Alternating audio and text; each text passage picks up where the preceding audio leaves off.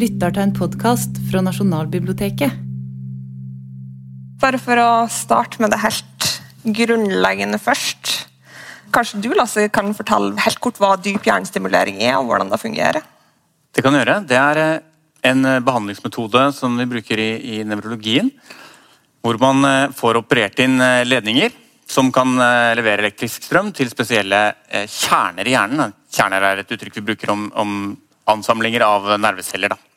Og dyp det sikter til at det typisk er kjerner som ligger ikke helt på overflaten av hjernen i hjernebarken, men ligger nede i, i midten av hjernen, sentralt i hjernen, som eh, det er vanlig å, eh, å, sende denne strømmen inn til. Så har man da typisk en eh, Den ledningen går fra et hull her på kraniet, og så har man en eh, eh ledning under huden som går ned til en pacemaker-lignende boks med et batteri og en sånn pulsgenerator som styrer strømmen her på brystet.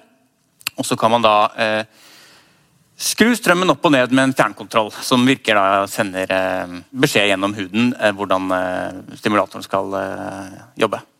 Hvordan ser man effekten når man skrur på den fjernkontrollen? Kan du beskrive? Altså, de sykdommene som vi bruker dette mot i rutinebehandling, standardbehandling i dag, det er typisk Parkinsons sykdom og sykdommer der hvor man har ufrivillige bevegelser, sånn som skjelving eller mer sånn ufrivillige sammentrekninger, kramper i muskulaturen, noe som vi kaller for dystoni og noen andre eh, enda sjeldnere bevegelsesforstyrrelser.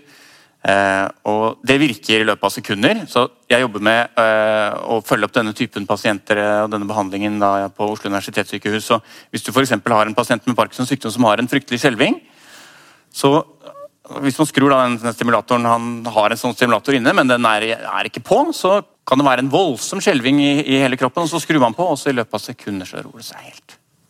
Så så effektivt uh, virker det. og det er uh, en spesiell opplevelse å få lov til å være den som skrur på uh, den strømmen og ser hvordan man kan kontrollere noens hjerne med strøm på den måten. Da. Og familien som står rundt, blir også litt sånn, får litt hakeslepp noen ganger når vi gjør akkurat dette. Vanligvis så har jo pasientene på denne behandlingen hele tiden, så man vet ikke helt hvor mye er det medisinen hvor mye er det behandlingen. Men noen ganger må de bytte batteri, for eksempel, og så er de uten behandlingen en, en stund. Helt uten. Når man har kommet for å skru på igjen etter at de har fått det nye batteriet, så, så opplever man dette her på det aller mest sånn, frapperende fra et sekund til det neste. Hvordan det virkelig eh, styrer eh, kroppens bevegelser på en helt eh, nesten utrolig måte. Ja. Mm. Um, I din bok, Lone, uh, 'Lystlegen', som den heter på norsk, uh, så skriver du jo om historien til dyp hjernestimulering som forskningsfelt. Ja. Hva var det som gjorde at du fatta interesse for dette feltet? Jamen, det var, at øh, jeg sidder jo og skriver til daglig på Weekendavisen i København. Og øh, så ville jeg skrive en historie om dyb hjernestimulation, fordi at øh, for nogle år siden læste jeg, at man er begyndt at gå fra øh, kun at behandle Parkinson og bevægelsessygdomme til også at prøve at behandle psykiatriske sygdomme, altså depression og tvangshandlinger, tvangstanker, Tourette-syndrom, sådan noget. Øh, og det tænkte jeg, det var dog interessant, øh, det vil jeg skrive om. Og så så jeg en lille notits om, øh, bare sådan ude i det ene hjørne af en artikel, ja, der var jo for øvrigt også den amerikanske læge Robert Heath, som lavede det her allerede i 1950-50. Og tænkte jeg, det var meget tidligt, fordi de fleste artikler, de fortæller, at øh, metoden blev opfundet i 1980. Og det tror jeg det hedder. og, øh. og så tænkte jeg, hvordan kan det være, der er 30 års forskel, hvad, hvad er der sket? Hvorfor, hvorfor snakker man ikke om 1950? Og så begyndte jeg at trævle den der historie op, fordi det var meget, meget svært at finde noget om Robert Heath. Øhm, og så finder jeg ud af, at han er, han er ligesom blevet skubbet ud af historien, og han er glemt langt de fleste, som, som laver dyb hjernestimulation, neurokirurger og, og unge neurologer, kender ham overhovedet ikke. De aner ikke, hvad han har lavet, men, men jeg fandt ud af, ved at, at finde hans gamle videnskabelige artikler frem fra 1950 og 54 og 57 og så videre, at øh, han lavede faktisk det her øh, på, han startede med skizofrene patienter, fordi han havde en, en, en idé om, at det her med skizofreni, øh, og nu snakker vi 1950, at det var en hjernesygdom. Og det var jo dengang Freud herskede i psykiatrien mange steder. Og man sagde, at nej, det var et spørgsmål om, at din mor havde været et forfærdeligt menneske, hun havde opdraget dig forkert, der var sket alle mulige ting, så derfor var du skizofren. Men han mente altså, jamen det har vi har at gøre med en hjernesygdom. Og han mente, at, at et af de centrale symptomer i skizofreni, det er, at, at mennesker lider af anhedoni. Altså, de kan ikke føle lyst, de kan ikke føle glæde, så derfor er deres liv sådan helt forkrampet. Øh, og så tænkte han, hvis man nu går ind og stimulerer de steder i hjernen, hvor man ligesom kan fremkalde den her følelse af, af lyst og, og nydelse og sådan i det hele taget positiv stemning, må så ikke, at, at man kan få dem ud af den der skizofrene tilstand. Og han fik øh, lov til at prøve det her. Han, han, øh, han havde et øh, laboratorium og en helt psykiatrisk og neurologisk afdeling i øh, New Orleans i, øh, i det sydlige USA, og, og der gav man ham lov til, jamen prøv endelig det her, fordi det var dengang, man ikke havde noget medicin overhovedet for skizofreni. Der var ingen øh, moderne behandlinger. Det var sådan noget med, man gav patienterne malaria for at, at få dem til at svede sygdommen ud, og sådan noget fuldstændig vanvittigt. Og så han, han øh, gav sig til at lave de her forsøg. Han prøvede på øh, i første omgang 22 unge øh, skizofrene mennesker, øhm, og havde et helt stort hold af både psykologer, neurologer, neurokirurger osv. osv. Og fik nogle ret interessante resultater, som altså man kan læse om i en meget, meget tyk bog, som de udgav om alle de her forsøg i, i 1954. Og så præsenterede han jo resultaterne for øh, sine kolleger, altså de, øh, sådan nogle af de største amerikanske psykiatere på det tidspunkt, og de var rystede. Altså fordi det var helt nyt, og mange af dem synes det var lige rigeligt at gå ind og skære i hjernen på den måde. Og de mente også, at det var nok, det kunne godt være en placebovirkning, fordi de her patienter havde fået så meget omsorg og så meget opmærksomhed. Så de, altså, de troede ikke rigtigt på det.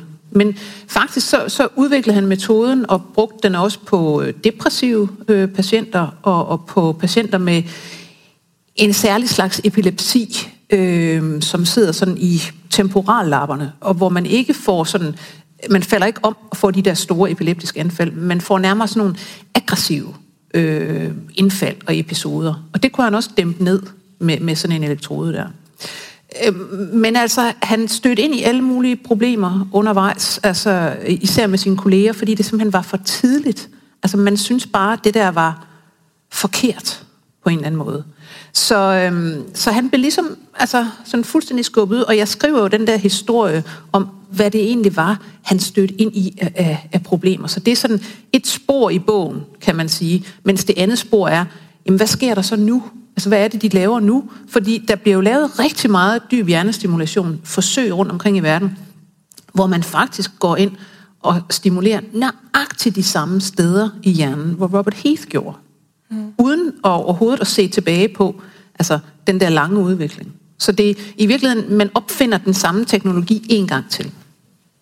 Ja, du siger, han ble skjøvet ut av historien. Du som nevrolog, har du hørt om han? Nej, jeg, jeg fikk høre om han første gang da jeg leste Lones bok. Mm. Var det overraskende? Var du overrasket? Veldig, ja. Jeg ble veldig overrasket. Ja. Og mer erfarne kolleger enn meg også eh, var heller ikke kjent med det. altså. Og det, det er fascinerende at læse hans videnskabelige artikler fra den gang, fordi det simpelthen er så langt fremme, og, og billederne af de der stereotaktiske apparater, man bruger til at sætte elektroder ned osv., det er fuldstændig ligesom i dag næsten. Mm. Altså, det er ret rystende.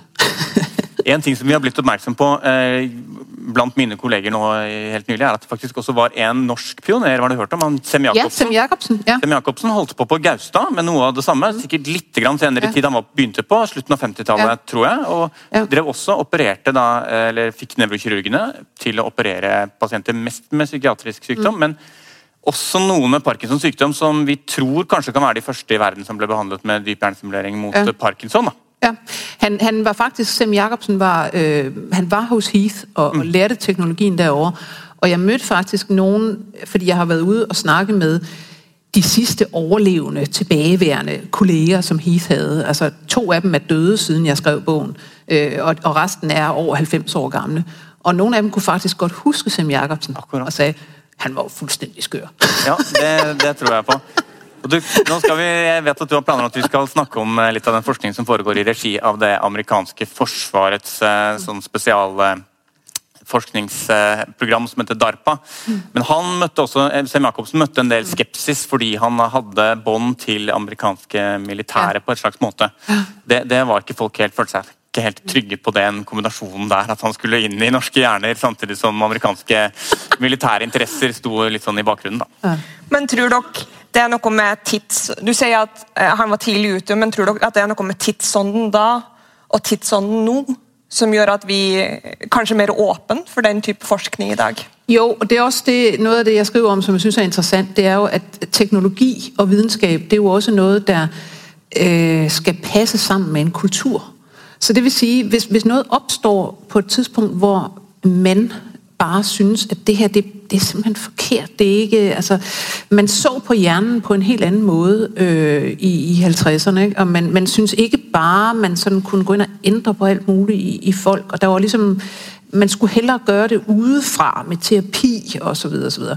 Øh, mens at nu er det til gengæld helt, altså normalt, om man skal sige, at gå ind og, og, og, og ændre på hjernen, fordi vi, vi ligesom ser os selv som, jamen vi er jo det her hjernemaskineri. Det er en slags maskine, og den skal fungere ordentligt, og hvis den ikke dur, så skal den fikses. Og så går vi ind og laver forskellige ting, øh, og synes ikke, at der er noget underligt i det. Øh, så, så det er også noget med, at, at nu her er, er kulturen klar til den her teknologi, og den bliver behandlet med øh, en masse positiv øh, presse, og, og der er en masse hype, og I se, hvor er det herligt og, og godt det her. Hvis man går tilbage i tiden, så synes man simpelthen, det var forfærdeligt. Altså. Samtidig så er det vel rimelig å håpe at det kan ha vært en viss modning av eh, kontrollmekanismene som skjer rundt denne typen forskning. Det, I boken din så er det en beskrivelse der hvor der hvor de prøver å kurere homofili ved å stimulere under en slags um, under et heterofilt samleie stimulere en, en eh, homofil eh, mann til å oppleve eh, erotisk nytelse. Det, det er jo hårreisende lesning. Ja. Mens i dag hvis Men man vil gjøre en. ja, hvis man vil gjøre en, en, en klinisk studie av dyp hjernestimulering i dag, så må Ja. man selvfølgelig sende inn en protokoll. ikke sant? og Det må jo bli godkjent av en etisk komité. og Ja. eh, Det er et helt annet eh, apparat rundt for å sikre at ting foregår innenfor noenlunde akseptable rammer. da, Selv om det absolutt er relevant å diskutere etikk, og det kan godt hende det slipper ting gjennom de filtrene og de, det vi har i dag av checks and balances. kan Det godt hende. Det, det, det er en risiko for at ting slipper gjennom som ikke er greit, men, men det er allikevel mye mer kontroll enn enn det det var eh, tilbake Ja. på 50-tallet. Som, Men som stadigvæk- gjør at vi er litt mer modne for å prøve den typen eh, Ja, ting. men stadigvæk er det jo sådan, øh, jeg besøgte for eksempel en neurokirurg i USA, som af sig selv, øh, en, en, en læge kan jo godt gå ud på egen hånd og lave et forsøg, hvis, hvis han har et, et godt rationale for det. Og han havde, øh, der var en pige, som var, hun var meget aggressiv, sådan en ung pige på, jeg tror hun var en 17-18 år, frygtelig aggressiv og, og kom hele tiden i, i slåskamp med, med folk og blev arresteret igen og igen og havde alle mulige problemer.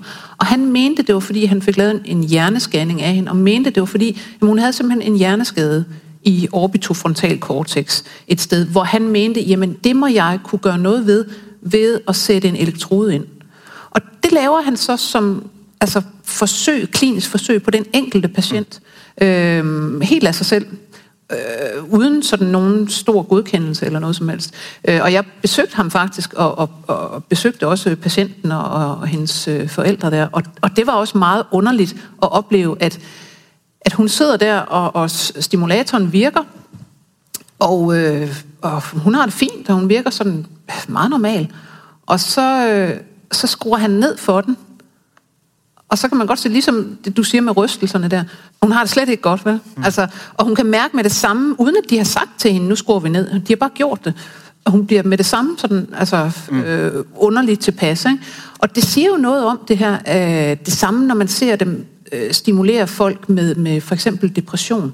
Altså når de lige rammer der under operationen, man første gang går ned med elektroden og, og slår den til, så kan man simpelthen se en forandring hos folk. Altså, de ligger jo godt nok spændt fast, men bare sådan øjnene bliver mere klare, og, og patienten siger for eksempel typisk sådan noget med, hov, nu, altså, nu sker der et eller andet. Øh, det er ligesom om, at der er flere farver, eller, altså, øh, det, det, der sker virkelig noget, ikke? Altså sådan en on-off-effekt. Og det siger jo også noget om, at det her selv, vi har en, en fornemmelse af, vi har, altså at, at øh, det er jo et, et resultat af en masse hjerneaktivitet, og en masse kemi, og en masse elektricitet, og hvis man piller lidt ved det hister her, så er det der selv et helt andet. Og det synes jeg er, er enormt interessant. Og det, jeg tror også, det er derfor, at det godt kan godt skræmme nogen at se øh, sådan nogle gamle film, for eksempel. Fordi Heath, han optog film af sine øh, forsøg. Og der kan man simpelthen se, at man havde nogle patienter, hvor man så havde flere elektroder i, i hjernen på dem, for også at begynde at studere hjernefunktionen. Altså, hvor sidder aggressionen henne? Hvor sidder erindringerne? Sådan nogle ting. Og så kunne de sådan, øh, stimulere et eller andet sted, og pludselig bliver vedkommende enormt hissig og siger, jeg slår dig ihjel, doktor, jeg slår dig ihjel. Øh, og så må de skrue ned igen, og så, åh, puh, nå, ja, jamen, fint nok, videre. Altså, øh, det er meget, meget, meget underligt at opleve det der. Men det er jo ganske ekstreme forsøk han utsatte sine patienter for. Eh, hva vet vi om, hvordan de oplevede var forsøgskaninerne hans? Jamen, det er jo altid spørgsmål. Når man sidder og læser en videnskabelig artikel, så står der jo bare i sådan meget, meget klinisk sprog. Der skete sådan og sådan. Øh, patienten gjorde sådan og sådan. Virkningen var sådan. Slutfærdig. Og der kan man jo ikke fornemme rigtig noget om, hvordan er forholdet egentlig mellem terapeut og patient, og, og er patienterne med i det her? Synes de, det er godt? Hvordan, hvordan foregår det egentlig? Men jeg var så heldig, at jeg i løbet af den her jagt på øh, Robert Heaths historie faktisk fik fat på, på de der film, han havde lavet. Og det er jo timevis altså, af øh, forskellige forsøg, der er lavet med forskellige patienter. Øhm, og øh, der var det faktisk overraskende for mig at se, fordi at jeg jo havde øh, hørt fra folk, de, de få, der ligesom kender ham, øh, at jamen, de synes, han, det han lavede var forfærdeligt. Fordi alle snakkede om det der ene forsøg med den homoseksuelle mand. Og det er ligesom, det er alt, hvad han står for i dag. Altså, det, det er det eneste, der ligesom har overlevet i folks øh, erindring, at åh, han lavede det der skrækkelige forsøg. Så jeg regnede med, at det må være noget forfærdeligt noget alt det her. Øh, og så får jeg de her film sendt fra øh, hvad hedder, Robert Heaths søn, som stadigvæk er levende. Og øh, så kan jeg jo se de her sort-hvide optagelser, hvor det vidderligt er en oplevelse af, at jamen, her er man øh, og kigger på en patient og en, altså en, en psykiater, øh, vedkommendes terapeut, der sidder i virkeligheden og har et samarbejde om øh, at lave en eller anden form for behandling. Og mange af de studier, han så lavede, hvor det ikke var behandling, men hvor de så brugte de elektroder, der var sat ind til en behandling, øh, til også at efterforske, hvad sker der egentlig i hjernen, hvis vi nu stimulerer herover i det inde hjørne, hvad sker der så hernede? Og, sådan. og der, der, er de, altså der kan jeg se sådan nogle patienter, der, der, der sidder og, altså, og rapporterer øh, virkelig sådan, man kan se, de øh, sidder og er meget indadvendte og, og ligesom prøver at beskrive, hvad sker der, når du, når du stimulerer nu? Ja, så sker der sådan og sådan, og jeg tænker sådan, jeg får nogle erindringer fra min barndom om et eller andet. Øh, og man kan se også, Blandt andet, det synes jeg var meget øh, rørende, en, øh, en depressiv patient, en, en, en ung mand, som fortæller, han ligger sådan på en briks og fortæller, at han har, han, er simpelthen, han kan ikke huske noget tidspunkt i sit liv, hvor han egentlig har været rigtig glad for noget, eller sådan har oplevet rigtig glæde og nydelse og sådan. Og så bliver han stimuleret øh, via sådan en, øh, en elektrode på et tidspunkt, og han, han, han siger, det, altså det, er helt, det er helt fantastisk, det jeg kan ikke helt der er ikke noget som helst i mit liv, jeg kan sammenligne det her med. Det er virkelig interessant. Altså, og så har de en samtale om hans liv og, og i det hele taget. Og det, det er meget, meget øh, det er meget, meget vildt at opleve. Altså også den der sådan meget intime stemning, der egentlig har været mellem dem. Altså hvor man tit forestiller sig sådan en doktor fra 1950 som sådan en autoritet. Altså, øh, men det var meget sådan, ligesom man forestiller sig i dag, en, en psykiater, der sidder og taler med en patient. Du nævnte her, at øh, dette forskningsfeltet har fått en ny vår. Hvad er det, man forsker på i dag med dyb hjernestimulering? Alt, vil jeg næsten sige. Det er rigtig, rigtig meget. Altså, man forsøger simpelthen at, at rette på alle de typer psykiatriske sygdomme, øh, hvor man har en, en altså hvor man dels har nogle patienter, som ikke reagerer på, på medicin for eksempel, eller ikke reagerer på de behandlinger, man ellers har. Det er altid sådan noget med det, øh, den sidste udvej med de her patienter. Og så prøver man ud fra, hvad man ved om hjernens funktion, øh, og, og stimulere nogle steder, hvor man mener, at hvis man enten skruer op for en hjerneaktivitet, der er, eller blokerer øh, en hjerneaktivitet, der er, at man så kan gøre noget. Og det er jo så for eksempel, altså som sagt, depression laver man Øh, store forsøg med, både i USA og, og i Tyskland. Og, og man bruger faktisk lidt forskellige hjerneområder. Altså det er et andet sted i hjernen, de bruger i Tyskland, end det er i USA, for eksempel. Øhm, fordi man har, altså der er jo forskellige dele af det, man kunne kalde belønningssystemet eller lystsystemet, som man faktisk kan manipulere med at få nogenlunde den samme virkning. Øhm, så er der sådan noget som OCD, altså det her med tvangstanker og tvangshandlinger, folk der vasker hænder og er meget bare bange for bakterier, sådan noget. Øhm, der er også nogle af dem, der virkelig, virkelig har det svært. Øh, og som man også kan øh, stimulere faktisk i nogle af de samme med de her belønningsområder, nucleus accumbens og, og andre steder. Øh, og, og få en, en virkning, hvor, hvor nogle af dem faktisk oplever at blive stort set øh, symptomfri. Men, kan man sige, med den omkostning, at, at de også ofte, øh, deres personlighed ændres. De, de, de, de bliver faktisk lidt en anden. Øh, og det er der så nogle patienter, som øh, er meget, meget glade for. Og det er også beskrevet i litteraturen, altså hvor, hvor deres neurologer har, har simpelthen har skrevet sådan nogle case studies med, jamen her har vi så en patient, der har meget, meget svær OCD, men den bliver helbredt med sådan en, en hjernestimulator, og patienten, øh, hun bliver faktisk en helt anden, altså meget udadvendt og meget glad, og hun begynder at drikke lidt for meget, og hun bliver skilt øh, fra sin mand, men det synes hun er herligt, fordi hun var egentlig træt af ham. Øh, men, og så er der en, en, en anden, som også får øh, faktisk, altså bliver symptomfri, men hun bryder sig ikke om, at hun synes, hun er blevet sløset og rodet, og, og, og hun vil hellere have den der meget patentlige personlighed, som hun havde før. Så hun beder dem faktisk om at, at slukke apparatet. Mm. Så hun hellere vil have OCD. Så, øhm, det vækker ja. jo nogle store spørgsmål det her rundt, ja. hvad personlighed faktisk er. Ja. Altså, ja, og igen, altså, personligheden er jo, altså hvis man kigger på den psykologiske forskning i personlighed, så er det jo sådan en ret, kan man sige, stabil ting, øh, som i hvert fald i det voksne liv, øh, altså så ændrer personligheden sig ikke forfærdeligt meget over tid. Altså en lille smule øh, hvad der, hen af, af vejen bliver man mere, øh, altså man bliver faktisk, man, man scorer højere på det, der hedder venlighed i de her fem øh, hvad hedder, personlighedsdomæner, og man scorer lidt mindre, eller lidt lavere i åbenhed. Øhm, og det kender vi de fleste fra, jo ældre folk bliver. Ja, de begynder ikke at høre en masse ny musik, de begynder ikke at lave en hel masse nyt, men de bliver dog lidt lettere at være sammen med.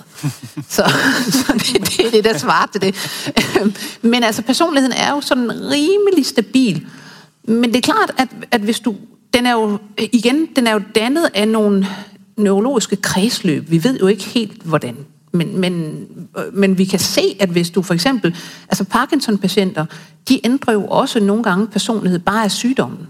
Ja, og medicinene. Så ja. jeg skulle skyte ja. ned at det høres så veldig dramatisk ut når man på en måte kan ændre personlighed med at manipulere hjernen med strøm, men, men det, er, det er jo absolutt mange av disse tingene som har sine, sin motstykke i kjemisk manipulasjon. og ja. hvor også Det å ta Parkinson-medisiner, eh, eller f.eks. litt for mye av det, kan gjøre at du eh, får en litt annen eh, personlighet. F.eks. får mer lyst til å spille eller handle eller eh, Hyperseksualitet. hyperseksualitet. Mm. Men du nevnte i sted DARPA, denne etaten i det amerikanske militæret som jobber med forskning som eh, har bevilget ganske mye penger til forskning på dyp hjernestimulering. Hvad er det, de prøver at få til? Jamen, DARPA, øh, skal jeg sige, det er jo øh, det her agentur, som øh, det amerikanske militærs forskningsafdeling, kan man sige. Og de, de prøver at udvikle alt muligt øh, sådan meget futuristisk øh, blue sky forskning og teknologi, som øh, hvad skal man sige, man ikke nødvendigvis ved, hvad det kan blive til, men, men altså, du ved, sådan store projekter, der skal øh, kunne et eller andet vildt. Altså, det var faktisk DARPA, der, der i sin tid udviklede både internettet og GPS. Altså, så, så der kommer noget ud derfra, der kan noget. De laver også en hel masse med at, at forsøge at lave sådan nogle øh, chips, der kan få, altså sættes i hjerner og få øh, handicappet til at gå og, og larme til at bevæge sig, alt sådan noget. Men de har så også, de vil gerne øh, lave dyb hjernestimulation, fordi at de har jo altså det her problem med, at amerikanerne sender jo øh, hvad det hedder, deres militær ud alle mulige steder, og der kommer rigtig, rigtig mange hjerneskadede veteraner tilbage, som enten har hukommelsesproblemer, som har øh, problemer med øh, hvad det hedder, aggression og PTSD, øh, alle mulige forfærdelige skader. Så, så med, den, med det rationale har de så sagt, jamen, jamen vi vil prøve at få udviklet den næste generation af det her dyb hjernestimulation. Hvor man, og det skal så være et system, hvor man øh, i virkeligheden ikke bare sådan stimulerer, ligesom man gør nu, hvor der bare sådan står og kører en, øh, en bestemt impuls, som man stiller på. Nej, det skal være noget, øh, et, et integreret system, hvor der hele tiden bliver aflæst data fra hjernen, og så fortæller de her data i virkeligheden, hvor der skal stimuleres øh, i forhold til, forestiller at man har PTSD, og at man for eksempel lider af sådan nogle frygtelige flashbacks. Altså pludselig er man tilbage i en eller anden kampsituation eller sådan noget. Det kan man jo formentlig aflæse i hjernen, at nu der er et flashback på vej, og hvis man så kan nå, som, som en preemptive strike, altså at, at stimulere det rigtige sted, før det melder sig, det er simpelthen øh, nogle af ambitionerne.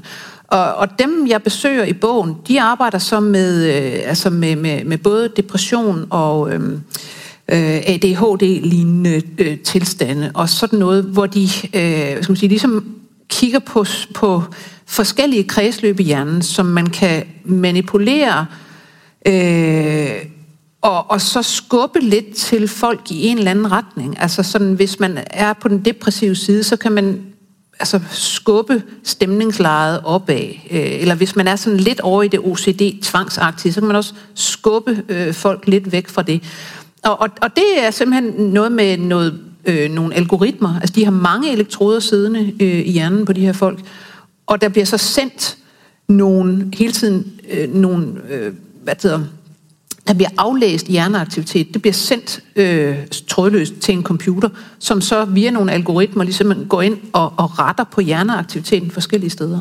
Så folk, man kan sige, det er, en, nærmest en lille ekstra hjerne, du får sat ind. Altså sådan en, der, der ligesom korrigerer dig hele tiden og sørger for, at du ikke sådan kommer ud øh, til den ene eller den anden side psykiatrisk set, så du ligesom holder dig... Øh, Mind på, control? Ja, det kan man godt sige, det er. Det er det jo, ja. Men det er jo også det interessante, synes jeg, at det, man talte om i 1950 som mind control, og i 1970, og man synes, det var helt forfærdeligt, det her kan bruges til mind control. Men når vi i dag tænker på sådan mind control, så tænker vi jo mere, ja, det er os selv, der får kontrol over, hvem vi er. Og det vil vi øh, i høj grad gerne. Altså det, det er blevet en anden ting, det er blevet meget mere sådan øh, nogle positive redskaber til at, at bestemme over, hvem man selv er i virkeligheden. Og det er igen kulturen, der har rykket sig rigtig meget. Mm. Men det her høres jo øh, næsten mere ud som science fiction end bare science. Hvor realistisk er de projekter, som de holdt på med i det amerikanske militæret? Når kan man se for sig, at det bliver virkelig? Jamen, de er, øh, altså, de er realistiske. Øh, at de prøver dem i øjeblikket på frivillige epilepsipatienter, fordi de jo alligevel er inde mm. og, og får sat elektroder i hjernen, fordi man skal se, hvor deres epileptiske aktivitet er, for at man kan for eksempel operere på dem. Så, så man er i gang med at lave det her, og man har set, at man kan godt rykke de her forskellige kredsløb på den måde, som jeg snakkede om før, og, og holde folk inde på, uden at de sådan set selv mærker det. Altså, de fornemmer ikke selv, at uh, jeg bliver, jeg bliver manipuleret. Altså, det, det, det sker jo bare, ligesom. Øhm, og det, det er meget interessant også at se, jeg har set film af det, fordi de optager film, ligesom Robert Heath gjorde.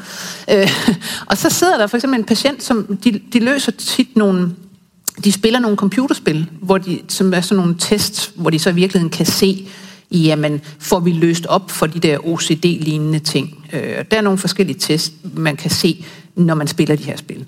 Øh, og, og så spørger, øh, hvad det hedder, lægen vedkommende på et tidspunkt, mærker du noget specielt? Altså fordi de kan se af hendes hjerneaktivitet, at hun øh, løser de her tests meget bedre, end hun plejer. Og så siger hun ligesom, ja, ja, jo, altså, jeg synes bare på en eller anden måde, det går meget hurtigere, end det plejer. Jeg ved ikke hvorfor. Det gør det bare.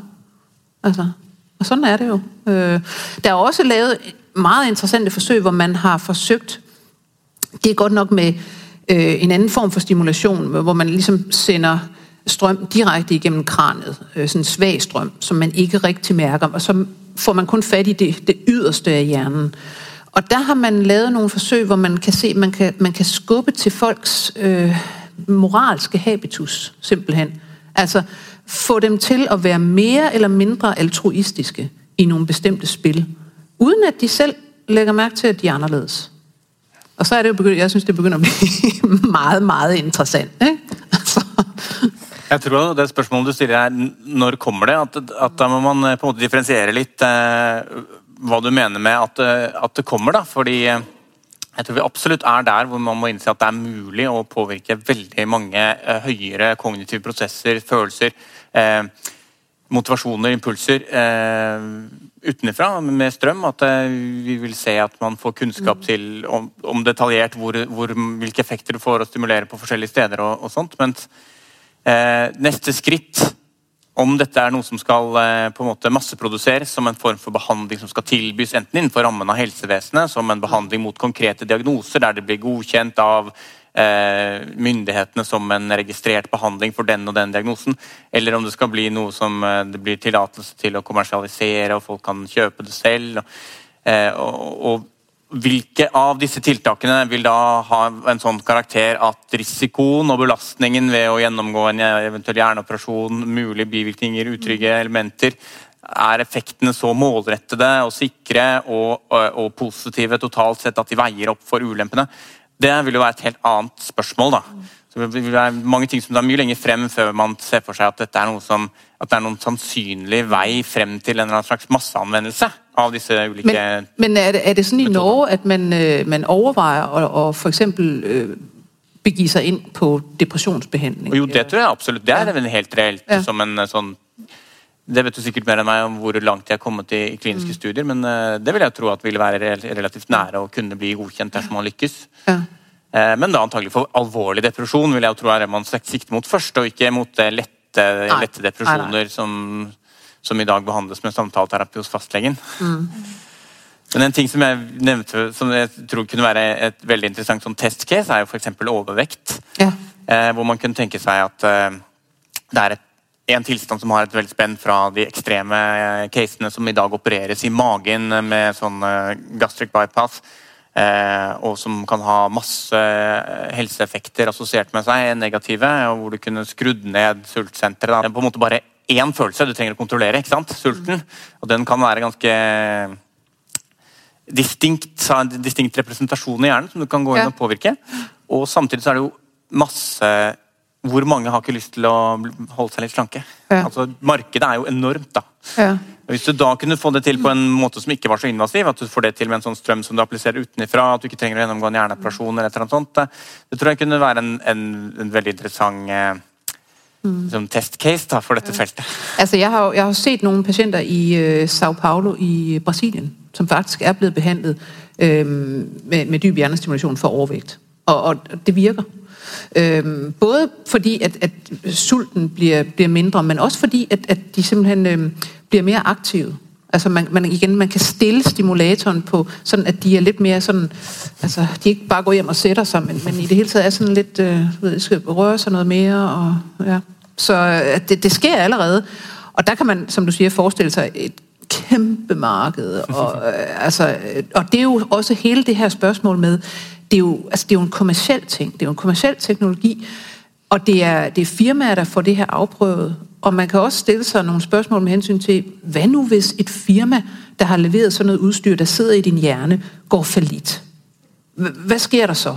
Øh, så kan du ikke få skiftet batteri længere, øh, eller øh, der er noget med elektroden, der går i stykker, det kan ikke blive skiftet. Hvad, hvad, hvad sker der?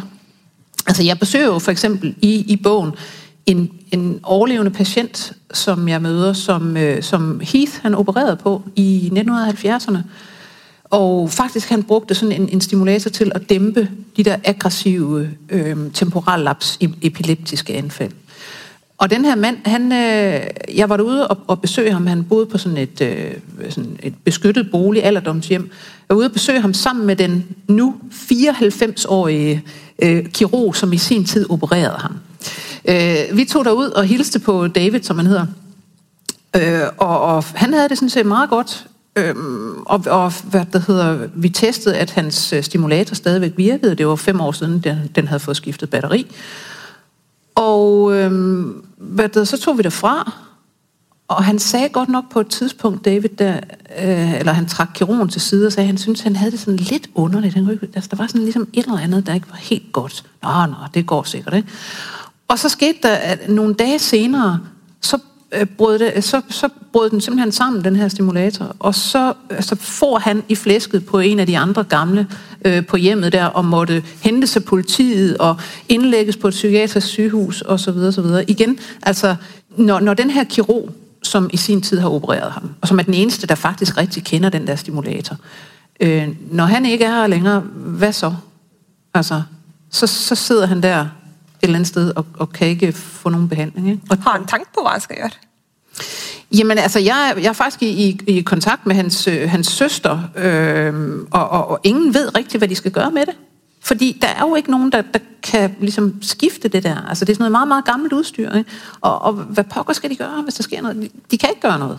Hmm. Altså, det, det er lidt... Øh, man tænker også, der er sådan også en, en meget praktisk side af sagen, som man også skal tænke på.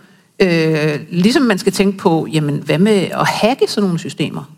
Det kan man jo også gøre udefra. Altså, og hvad, hvad sker der så? så Du skriver jo i boken din at man kan se for sig at den her teknologien utvikler sig etter samme mønster som plastisk kirurgi. Ja. Kan du fortælle lidt, hvad du, hvad du mener med det? Ja, altså det er jo faktisk, øh, jeg snakker jo med nogle, øh, nogle neurokirurger, som, som siger, jamen de, de kunne egentlig godt forestille sig, at det kommer til at gå, ligesom det gik med plastikkirurgien. Fordi den startede jo efter Første Verdenskrig, fordi der var folk, der var fuldstændig øh, ødelagte og smadret af granatsplinter og alt muligt. Så der, der startede man simpelthen plastikkirurgi for at, at rekonstruere de her mennesker. I dag tænker vi jo på plastikkirurgi som mest sådan noget med store nye bryster, læber, et eller andet andet. Det er blevet noget helt andet, ikke? Øhm, og det er blevet til forbedring i stedet for behandling. Selvfølgelig foregår der stadigvæk behandling, men langt, langt det meste, det er jo sådan noget forbedring. Og der blev foretaget en undersøgelse blandt amerikanske neurokirurger, hvor man sendte et spørgeskema ud og spurgte, øh, synes I, at det vil være principielt etisk forkert at forbedre menneskelige egenskaber med dyb hjernestimulation? Det var der 50 procent, der sagde, nej, det ville da være fint. Det kunne de da sagtens forestille sig. Og der er et par kirurger, der har skrevet bøger om øh, direkte, at jamen, lad os få noget mental botox. Altså, så, så man ligesom, hvis man nu kan gå ind og, og få sit, hvad skal man sige, gøre sit humør bedre, og eventuelt gøre sin hukommelse bedre, og det kan man faktisk nok. Øh, hvorfor så ikke gøre det? Jeg forestiller mig også, at på et tidspunkt skal der nok være nogen, der, der, der siger, ja, men lad os da prøve. Altså, jeg vil selv sige, jeg synes da, at det, det, det irriterer mig næsten hver eneste dag, at min hukommelse, nu er jeg 52, min hukommelse er elendig i forhold til, da jeg var 20. Altså, jeg vil gerne have min hukommelse igen. Ikke? Hvis, hvis, det ikke, hvis det ikke er de store bivirkninger, så, mm, ja, så kunne jeg da egentlig godt finde på at blive lidt forbedret. Ja, så du har ikke haft så store kvaler med at gøre justeringer på det selv? Nej, altså jeg vil sige, jeg er ikke, jeg er ikke sådan en, der synes, at det er principielt forkert at ændre på sig selv. Altså jeg synes, man, man har et eller andet udgangsmateriale, man er den biologi, man nu har fået med af sine forældre. Altså det er deres skyld, det er deres genetik, værsgo. Øh, og, og hvis der er noget, man selv synes, at det her kunne jeg egentlig godt tænke mig at ændre lidt på, altså så, så har vi jo ikke noget imod, at man gør det med, altså man kan forbedre sig med at læse bøger, man kan uddanne sig, man kan dyrke mindfulness, eller meditation, eller yoga, alt muligt. Så kan man vel egentlig også bruge både medicamenter, eller eventuelt også hjernestimulation. Det er jo principielt det samme. Hvordan ser du på det? Ja, det, det er veldig sånn, velkjent den diskusjonen med at du avslutter det med det er prinsipielt det samme. og sånn det er veldig vanskelig å trekke eh, absolutte grenser i sånne landskap som dette her og si at eh, der går grensen. Da er vi over i noe helt nytt. Eh, sånn som det ble nevnt pacemaker. Eh, man kan jo ha en sånn eh, eh, innoperert en sånn eh, device som overvåker hjerterytmen, og så slår den inn og gir deg støt hvis eh, hjertet stopper. Og man kan ha cochlea-implantat hvis man er døv, så stimuleres da de nervecellene i eh, øret som, som de, Det er noen celler der som er døde som ikke gir beskjed videre, men så får man inn en elektrode som gjør den samme jobben isteden. Det er jo helt opplagt og så har vi behandlinger som, som eh, på en måte affiserer systemer som vi ikke tenker er sånn mentale. så De har kanskje ikke så mye med personligheten å gjøre, sånn som hvis det bare handler om skjelving eller Mm. bare handler om å erstatte en tapt sans eller styre en arm fordi du har fått en skade. Men så beveger det seg over i depresjon. ok, ja, Kanskje de som er ordentlig syke, som jeg sa i stad, kanskje de aller sykeste, men ikke de som bare er litt syke. og så overvekt, og så får du en glidning inn i sånne eh, gråsoner av hva som er forbedring og hva er behandling. Og så har du den samme glidningen i hvor invasiv teknologien er. Hva er forskjellen på å forbedre med medikament versus forbedre med, med strøm? Eh, hva er forskjellen på å genmanipulere eller, manipule, eh, eller sam, smelte sammen med maskin? Eh, og de transhumanistiske filosofene som er opptatt av, har som sitt program at vi skal bruke de teknologiske mulighetene vi har til å forbedre mennesket, de liker jo å sammenligne med sånne ting som briller og armbåndsur f.eks. Du har du festet i kroppen din, det er 24 timer i døgnet har du festet en sånn teknologisk ting som hjelper deg til å vi- vite hva tiden er.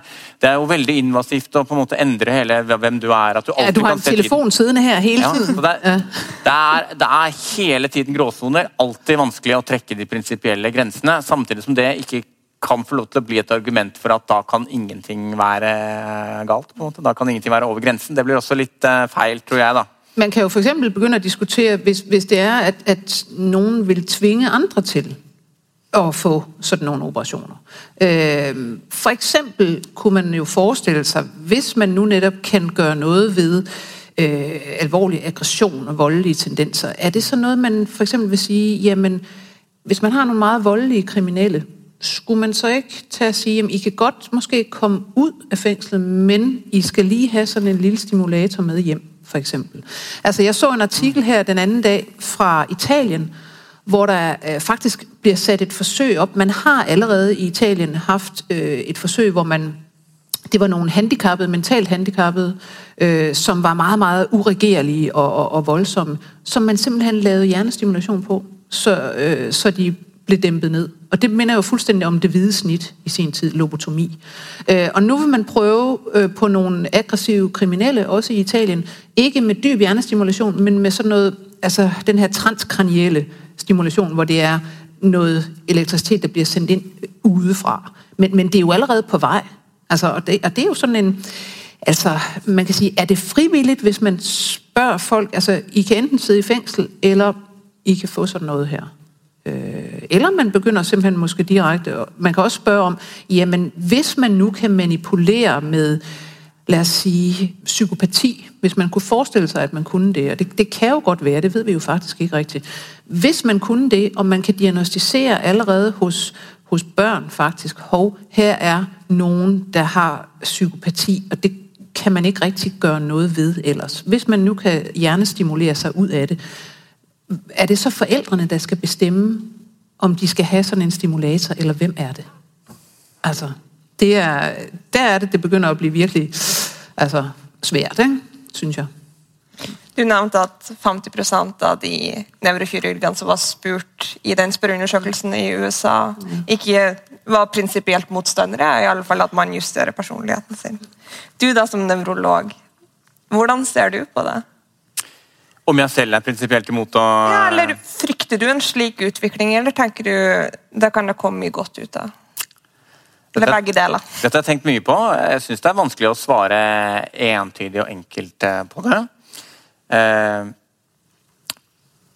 Jeg tror at eh, hvis man tar på seg nevrologhatten, så er det veldig enkelt å svare hele tiden innenfor sånne, eh, en sånn, sånne kliniske rammer. Sånn at, som behandling i helsevesenet så, så går ting sakte, og det, vil, det gjøres studier, og det blir godkjent, og det er diagnoser, og det er en indikasjon, og, eh, og ting går på en måte skritt for skritt. Eh, Mens hvis man skal ikke ha den hatten på, men være en sånn eh, filosofisk eh, fremtidsspekulant. eh, Og tenke på om dette er noe man kan kjøpe eh, kommersielt, f.eks. som en tjeneste fra et firma helt utenom helsevesenet. og sånn, så, så er jeg bekymret eh, for det. Jeg tror at det kan være vanskelig å vite vårt eget beste. da. Eh, det, man, det er jo to man kan jo mene at det er eh, tukling med skaperverket eller på en eller annen måte er etisk betenkelig i seg selv, eller så kan man være bekymret for om man egentlig vet hva man gjør, og om man egentlig ender med å få et bedre samfunn eh, enn en man ville hatt uten. Og Særlig på det siste punktet så, så går mine intuisjoner i retning av at dette kan være litt skummelt. Eh, det vil eh, selvfølgelig gi betydelig eh, Det vil øke forskjellene i samfunnet mellom de som har tilgang på forbedringsteknologi og de som ikke har det. Og så tror jeg Vi mennesker er ekstremt dårlige til å vite vårt eget beste. Og de intuisjonene vi har om hva som er godt for oss, virker på veldig mange forskjellige tidsskalaer. Så noe er det vi ønsker oss nå om fem sekunder, noe er det vi tenker at er godt for livet vårt. Eh, i et perspektiv som går, et livsløst perspektiv. Da. Disse tingene krasjer jo helt. altså I dette feltet så har vi jo, Du har skrevet om de som får da inoperert elektrode i sånn lystsenter. De har jo lyst til å bare stimulere den hele tiden. og ikke, Det gir egentlig ikke mening å drive med noe annet enn å bare trykke på stimuleringsknappen. Det har sikkert mange hørt om sånn apeforsøk og sånn også, hvor man, det er ikke meningsfullt å gjøre noe annet, for det er ikke noe som føles bedre enn å trykke på den knappen hele tiden. Men det er jo ingen av oss som har lyst til å få inoperert en sånn elektrode og sitte sånn resten av livet. Det er jo et helt det vil vi jo tenke på som et meningsløst liv. På den andre siden så har du den, det scenarioet hvor man kunne tenke seg at man fikk en elektrode som closed loop, som, som på en måte idet du var i ferd med å for eksempel, bli distrahert fra arbeidet ditt og heller ville sjekke mobilen eller gå til kjøleskapet og ta deg en, en bit sjokolade, så, så vil systemet der være der. Og, og, skjerpe konsentrasjonen din og passe på at du gjør jobben, sånn at du kan bli en stjerneforsker eller, eller være eh, overprestere på et eller annet område. Da. da har du gått til andre enden igjen og ikke gitt deg noe sånn nedprioritert den der eh, lysten og friheten og, og, gitt deg selv en slags sånn mm. eh, streng overvåkning. Er den delen av deg som har ambisjoner har på en måte, og, i livsløst perspektiv har fått lov til å vinne fullstendig over den som har lyst til å, å oppleve noe behagelig i øyeblikket. Men der skal man jo så ha det sånn at man kan stille på det sånn at i dag vil jeg gjerne være ambisiøs, i morgen vil jeg gjerne være du vet, altså, utadvendt og ja, nydelsesfuld osv. Mm. Men altså, det blir så mange jeg. Det splitter opp cellet ja. eh, på en, eh, en, en, eh, en, måte som er vel gjør at det blir, oppstår mange sånne filosofiske mm. dilemmaer, og, det blir helt eh, endrer helt på hvordan man tenker om hva et menneske er. Og, og det har, kan hende vi ender opp i, med å gå i minus. da. Men Har du, har du observert f.eks. Parkinson-pasienter der gjerne vil ha deres stimulator stillet et annet sted enn øh, end neurologerne synes? Fordi jeg har, jeg har jo simpelthen øh, set noen øh, cases hvor, hvor øh, at der er folk der de vil gjerne være liksom hypomaniske, altså, mm. hvor de har det sådan rigtig godt og ekstatisk, og hvor, hvor neurologen siger, nej, det er faktisk ikke, det er ikke godt for dig hele mm. livet at gå rundt og være hypomanisk. altså, så opstår der en konflikt der. Ikke? Uh, har, du, har du mødt sådan nogle patienter? Ja, det har jeg nok opplevd. Det er mye vanligere med medisinen enn med stimuleringen. da. Ja. Uh, så, sånn at det er akkurat den samme dilemmaet der får man med, med medikamentdosene. Mm. Og det er mye oftere der enn uh, bivirkningene av av den strømmen er eh, for de aller fleste mye mer sånn eh, eh, ja, ikke, ikke, psykiske på den måten, men handler om at man kanskje får litt snøvlete tale eller kjenner litt stikking og prikking i hendene. Ja. Men hvilke vurderinger gjør man da, når noen ønsker Du nevner jo med medikamenter, men man kan jo se for det, ja. det samme med de om, om, man skal være på en måte moralistisk og si at uh, vår jobb er å bare omhandle sykdommen din, og ikke hjelpe til å løfte deg til en, uh, en annen personlighet som du trives bedre med å være.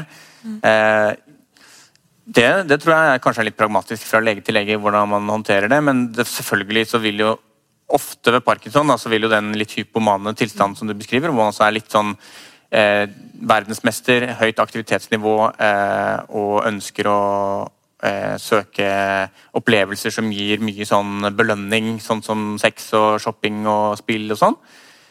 Ofte så vil det være en risiko for at man kjører livet sitt i grøfta når man er eh, for langt over på den siden. Selv om det kan føles behagelig i øyeblikket, så, så vil den ansvarlige legen tenke at ja, du kan risikere å spille bort farsarven eller eh, ødelegge ekteskapet med, hvis du kommer for langt i den retningen. Så vi har på en måte argumenter imot.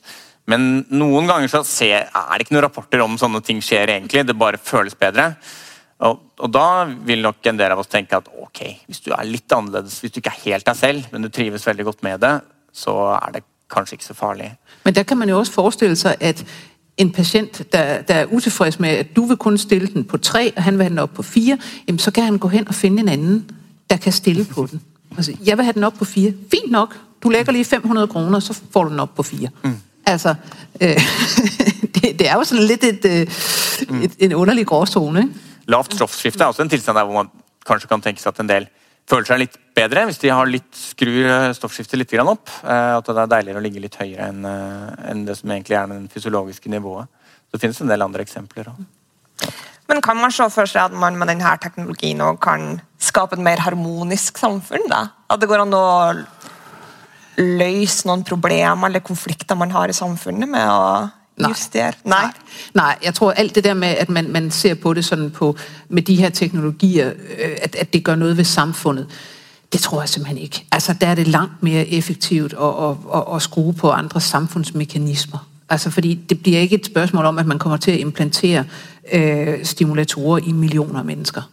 Altså øh, for at rette op på et eller andet. Det gør det simpelthen ikke. Altså det, det er for dyrt, og det er for vanskeligt, og det er for risikabelt og alt muligt andet. Så det, det tror jeg simpelthen ikke på. Altså det er sådan en meget, meget futuristisk øh, tankegang, det der med, at man skulle kunne reparere på samfundet med sådan nogle individuelle behandlinger. Øh, det er meget, øh, hvad skal man sige, mere effektivt at, at, at bruge øh, altså alt, hvad man ellers har af samfundsmekanismer, økonomisk dit og dat, og altså hvad man nu kan af uddannelse, alt muligt, ikke? regulering af det ene og det andet. Altså ikke sådan noget her. Så det er større far- med de klasseforskjellene da, som dette kan skape? Det forstod jeg ikke. Eh, I forhold til at det vil være noen som har anledning til å bruke denne teknologien, og mange ikke eh, kan det. Så det kan skape en klasseforskjell. Altså hele, det, jamen, hele ulighedsdiskussionen kan man sige, ja, enhver forbedringsteknologi har potentialet for at, at øge uligheden. Men man kan sige, altså den økonomiske ulighed i, i verden, og i, også i det norske samfund, i det danske og alle mulige andre, det er jo langt, langt mere allerede, end, end det her kan give en lille smule op og ned. Altså det, der igen, der er der altså nogle andre ting, man skal, man skal tænke på. Det er ikke det her, der kommer til at forøge uligheden helt utrolig meget. Det er det økonomiske system, vi har. Det vil jeg si, kommer jo litt an på hvor effektive ting man klarer. Og, og når du snakker om at du gjerne kunne tenke deg litt bedre hukommelse og Hvis man kunne oppdage noen hjernestimuleringsteknikker som, som på en måte det er radikalt forbedrer kognitiv funksjon, sånn at du virkelig presterte på et totalt annet nivå, sånn at det ble jobber og, og sånn som var helt utenkelige å, å ha hvis du ikke hadde denne teknologien, så, så ville det være et paradigmeskifte, vil jeg si. Om det da ble en elite som, som beveget seg opp i det, i det sjiktet, og resten ble værende som eh, Homo sapiens 1-0. Men det er et spørgsmål, om, om man overhovedet kan forestille sig, at, at hjernen kan, kan opgraderes så meget i virkeligheden. Sådan radikalt. Ja, det er nok Det er jo- ikke rundt neste Fordi vi, vi, igen, så er vi jo egentlig, altså, så er vi faktisk ved et, et, et spørgsmål, som jeg synes er interessant, det her med, at vi ved faktisk meget lidt om hjernen. Godt nok, så, så manipulerer man med den, når man stikker elektroder i den, man giver den medicin, man gør dit og dat, men faktisk ved man utrolig lidt om, hvordan den fungerer, når man tænker på det. Bare sådan noget som hukommelse. Vi, vi snakker hele tiden om, om vores hjerne i, øh, i sådan nogle computeranalogier. Altså vores harddisk, vores RAM og, og, og sådan noget. Og, og det, vores hukommelse virker overhovedet ikke som en computers hukommelse. Vi ved simpelthen ikke, hvordan vi gemmer erindringer, og hvordan vi kalder dem frem, og, og hvordan de egentlig, hvad, hvor meget ændres hjernen, når man erindrer et eller andet, eller lærer et eller andet. Det, det er simpelthen det er stadigvæk et kæmpe mysterium. Så hvor meget man overhovedet kan gøre ved den, og rykke den i en eller anden retning, det, altså, det er et stort spørgsmål. Jeg er veldig enig i det du siger på slutten der. at eh, Jeg tror at øh, man kan få lidt... Uh tvetydige eh, signaler hvis man forsøker å lese f.eks. avisartikler om hjernen. Om, både, av og til så hører man det sånn som du sier nå, at vi kan- skjønner ingenting. Og så av og til så hører man som at nå har forskerne snart liksom knukket hjernekoden. Eh, og jeg tror nok den, den fremstillingen som du kom med nå, at det, det er veldig mye vi ikke vet, antagelig er den, den sanneste eller den mest, eh, mest fornuftige måten å tenke på det. Det kom to kjempestore sånne hjerneforskningsprogrammer forskningsprogrammer, i, en i Europa og en i USA. Eh, I 2013-2014 rundt der ble de startet. Og det var jo basert på en sånn entusiasme etter at vi har sekvensert genomet, og hele liksom, det menneskelige arvestoffet er kartlagt. Og det gikk på en måte bra, selv om det tok lang tid. Så kom man i mål, og man fikk kontroll på hele det menneskelige arvestoffet, og det ble sett på som en kjempe, eh, et kjempegjennombrudd. Og det er da en, på en måte en tekst med tre milliarder eh, bokstaver. Og, og det er på en måte ikke så veldig mye mer komplisert enn det, mens, mens hjernen består av ca. 100 milliarder eh, nerveceller, og hver av dem har kanskje 5000 kontakter med andre nerveceller. sånn at da er du på en måte i 100 000 milliarder-klassen eh, antall eh, kontaktpunkter men hvert sånn kontaktpunkt er jo ikke statisk som en harddisk, eller som, som, en, som en, hvordan du har bygget en datamaskin, hvor, hvor, ledningene går dit en gang for alle. De flytter seg og er plastiske over tid, og når de blir brukt, så blir de sterkere og svakere. og det er variabler i dette systemet som bare gjør det vanvittig mye mer komplekst enn det humane genom. Da. Og, og de hjerneprosjektene eh, hadde på en måte skyhøye ambisjoner. At nå skal vi kartlegge hele, liksom, hvordan vi skal simulere hele menneskehjernen i en datamaskin. og vi skal kartlegge hvordan alle forbindelsene er. Og sannheten er at man nærmer seg nå snart har kartlagt liksom konnektomet, som det heter. Eh, forbindelsene til sånn bananflue, som er, eh, har 135 000 hjerneceller istedenfor 100 eh, milliarder. Eh, sånn at eh, man er veldig, Det er store gjennombrudd hvis man har klart å kartlegge liksom alle detaljene i en, kanskje en liten millimeter stor bit av netthinnen til mus. Mm. Altså det er allikevel liksom De tingene man jobber med, er milelangt unna den der komplette forståelsen som kan sammenlignes med kartleggingen av humane genom. Da. Det er også derfor, når man sier kunstig intelligens øh, det er jo i virkeligheden, altså man vil meget gerne øh, fremstille eller lave det, man kalder generel kunstig intelligens. Det vil sige noget, der ligner noget menneskelignende. Og det var, det var den vision, man, man grundlagde kunstig intelligensfeltet på tilbage også i 1950. Øhm, men man er overhovedet ikke i nærheden. Altså alt det, man siger i dag, det er helt fantastisk, hvad det der kunstig intelligens kan. Det er jo helt vanvittigt. Men det er kun på grund af de mange data, der er derude. Det, altså, algoritmerne er ikke særlig øh, smarte øh, og ikke særlig menneskelignende. Og, og, og en, en computer kan ikke hvad skal man sige, overføre sin ekspertise fra et domæne til et andet, ligesom den menneskelige intelligens kan pludselig bruge nogle regler fra et område på et helt andet område og, og bruge sund fornuft kan computer ikke. Altså, så øh, det er en meget smal kunstig intelligens, vi har, fordi vi ikke ved, hvordan den menneskelige intelligens faktisk virker.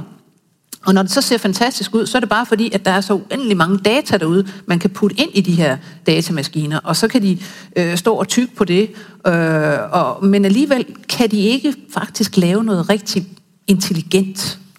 Så, så altså, det, det, stadigvæk, så, så må man bare sige, at den der hjerne er umådelig fantastisk. Altså, og virkelig, virkelig gådefuld. For det var en god afslutning på samtalen.